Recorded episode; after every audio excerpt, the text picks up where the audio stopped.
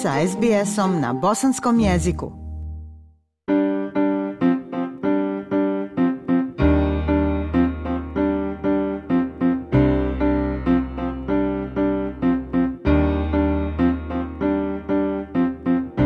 Slušate program SBS radija na bosanskom jeziku. Australijski sistem penzionisanja zahtijeva obavezne redovne uplate vašeg poslodavca u vaš superfond. U narednim minutama govorimo o tome kako možete zaštititi svoj penzioni fond, kako pronaći izgubljeni super i šta učiniti ako se preselite u inostranstvo.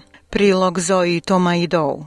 Superannuation ili super je novac koji vaš poslodavac ostavlja na stranu tokom vašeg radnog vijeka da biste mogli živjeti od njega kada odete u penziju. Poslodavac je obavezan da uplaćuje postotak vaše zarade na vaš super račun, a vaš super fond ulaže novac dok ne odete u penziju. U Australiji postoje mjere koje osiguravaju da pojedinci nepovratno ne izgube svoju penzijsku ušteđevinu, čak i ako je račun bio neaktivan. Ako su se vaši kontakt podaci promijenili, a pružatelj usluga nije u mogućnosti da vas kontaktira. Od njega se traži da prenese nepotraženi superfond Australskoj poreskoj upravi.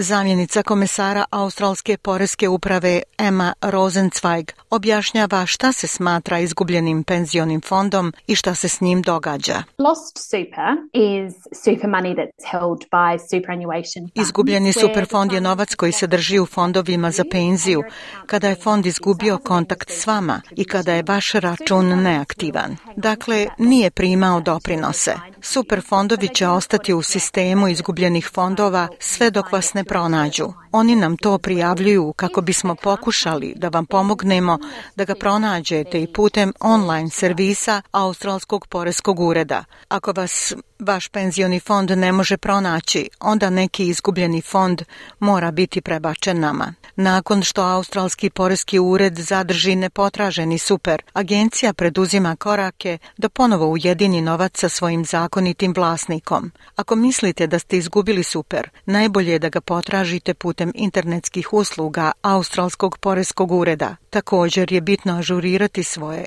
kontakt podatke. Ako ljudi misle da su izgubili penzioni fond ili da mi možda držimo super novac za njih, a oni ga ne mogu pronaći na internetskim stranicama Poreskog ureda, moguće je da nemamo sve vaše podatke ili informacije. Dakle, nešto što ljudi mogu učiniti je da kontaktiraju sve prethodne fondove za koje misle da su imali račune i da se uvjere da su svi njihovi kontakt detalji i detalji bankovnog računa žurirani u online uslugama Australskog poreskog ureda, dodala je Rosenzweig. Javier O'Halloran je direktor Super Consumers Australia, nezavisne organizacije za zaštitu prava potrošača penzijskog osiguranja. On kaže da je uobičajeno imati više penzionih fondova, a njihovo objedinjavanje u jedan fond je vjerovatno u vašem najboljem interesu. Procjene su da će to smanjiti vašu penzijsku štednju za oko 50.000 dolara ako imate više računa. Dakle, zaista se isplati pratiti gdje vam je super i konsolidovati gdje je prikladno. Razlog zašto dolazi do gubitka novca ukoliko imate više fondova je zbog osiguranja, a također postoje fiksne naknade. I opet, u osnovi plaćate dvostruko ako držite više od jednog otvorenog računa, rekao je O'Halloran.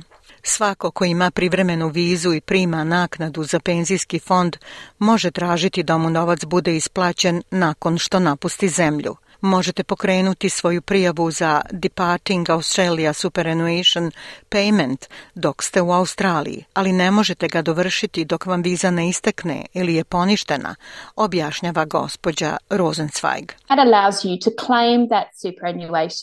I to vam omogućava da zatražite povrat penzije od fonda koji ga drži nakon što napustite zemlju. Ako to ne učinite u roku od šest mjeseci od napuštanja Australije ili isteka vaše vize, tada Poreski ured obavijesti vaš fond i prenese novac u Poreski ured kao nepotraživani penzioni fond. Dakle, još uvijek je u vašem vlasništvu, još uvijek ga možete tražiti od nas, ali ga drži Australski Poreski ured, a ne vaš superfond.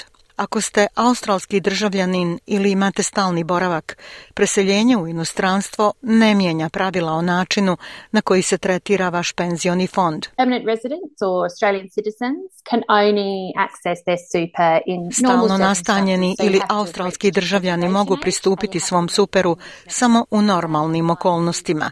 Dakle, morate dostići svoju dob za penziju i morate ispuniti uslov za pristup vašem penzionom fondu. To vrijedi čak i ako ste napustili Australiju.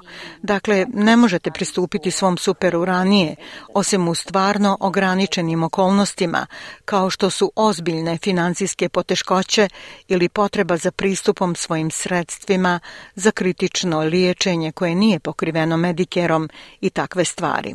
Gospodin Ohaloran kaže da su jednostavne stvari koje čovjek može učiniti kako bi na najbolji način upravljao svojim penzijskim fondom u inostranstvu, kao što je ažuriranje podataka za kontakt. On također sugeriše da ljudi budu upoznati s učinkom i značajkama svog fonda.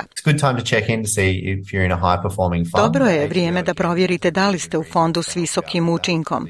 Australski porezki ured opet ima stvarno dobar resurs koji će vam pomoći u tome pod nazivom Your Super, alat za poređenje koji vam omogućava da uporedite mnogo osnovnih proizvoda na tržištu prema naknadama i performansima koje isporučuju. Također vrijedi provjeriti provjeriti sa svojim superfondom da li će vas osiguranje zaštititi i dok radite u inostranstvu. Mnogi ljudi ne shvataju da imaju standardno osiguranje u svom superfondu. Dakle, pitajte svoj fond da li će vas i dalje štititi. Također provjerite da li plaćate nepotrebne naknade i nastavite uplaćivati doprinose. Ako imate oko 50.000 dolara u vašem fondu, prosječna naknada na tržištu bi iznosila oko 1% godišnje, koju biste plaćali svake godine kroz različite naknade. Definitivno, postoje ponude na tržištu koje su puno manje od toga, oko pola postotka. Dakle, isplati se pogledati i druge kako biste bili sigurni da imate fond sa stvarno niskim naknadama i da vaša ušteđevina nije potrošena dok ste u inostranstvu. I naravno, možete nastaviti uplaćivati doprinose kako biste bili sigurni da će vaš penzioni fond nastaviti rasti, čak i ako ste se preselili u drugu zemlju, dodao je Ohaloran. Također je najbolja praksa imenovati svoje nasljednike u slučaju smrti. Ako vam se promijene porodične prilike, možete prilagoditi i popis nasljednika i koji postatak kome prepustiti. Pritužbe koje se odnose na raspodjelu povlastica u slučaju smrti rješava imenovano zakonsko tijelo, australsko tijelo za financijske pritužbe. Heather Gray je glavni ombudsman za penzije u financijskim pritužbama. Ona kaže da je uobičajena pogrešna predstava da je penzioni fond dio vaše imovine. Ljudi često ne shvataju da novac od penzije nije dio ostavštine. Važno je da ljudi razmotre kada preminu ko bi trebao primati penziju u slučaju smrti, zato što je za mnoge ljude to njihova najznačajnija imovina nakon porodične kuće. I ljudi bi mogli razmotriti svoje imanje generalno i možda napraviti oporuku, ali neće nužno dobiti savjet i dogovoriti se za penziju. Kada povjerenici komuniciraju šta predlažu učiniti sa dodatkom za smrt, dužni su obavijestiti zainteresovane strane da mogu kontaktirati financijske pritužbe u roku od 28 dana kako bi se žalili na odluku ako smatraju da je nepravedna. Odluka se zatim ocjenjuje te se donosi obavezujuće rješenje u prigovoru. Gospođa Gray kaže da se pritužbe često javljaju zbog odluke povjerenika. Ljudi imaju složen neporodične situacije, tako da možda imaju djecu iz više veza, možda imaju zakonitog supruga, ali su odvojeni od tog supružnika. Također sada imaju nevjenčanog supružnika, možda ako imaju malu djecu iz te nove veze, da samo mogu provesti neko vrijeme razmišljajući o tome kako bi njihova penzija trebala biti raspodijeljena i priložiti taj dokument fondu, to bi značilo da je puno argumenata riješeno. To uključuje podnošenje obavezujuće nominacije nasljednika. And you to make a binding nomination. Većina fondova vam dopušta da napravite obavezujuću nominaciju.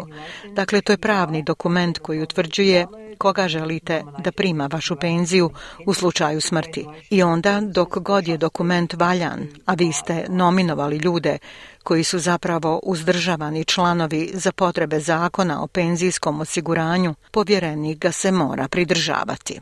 Ja sam Aisha Hadži Ahmetović. Ostanite uz program SBS radija na bosanskom jeziku.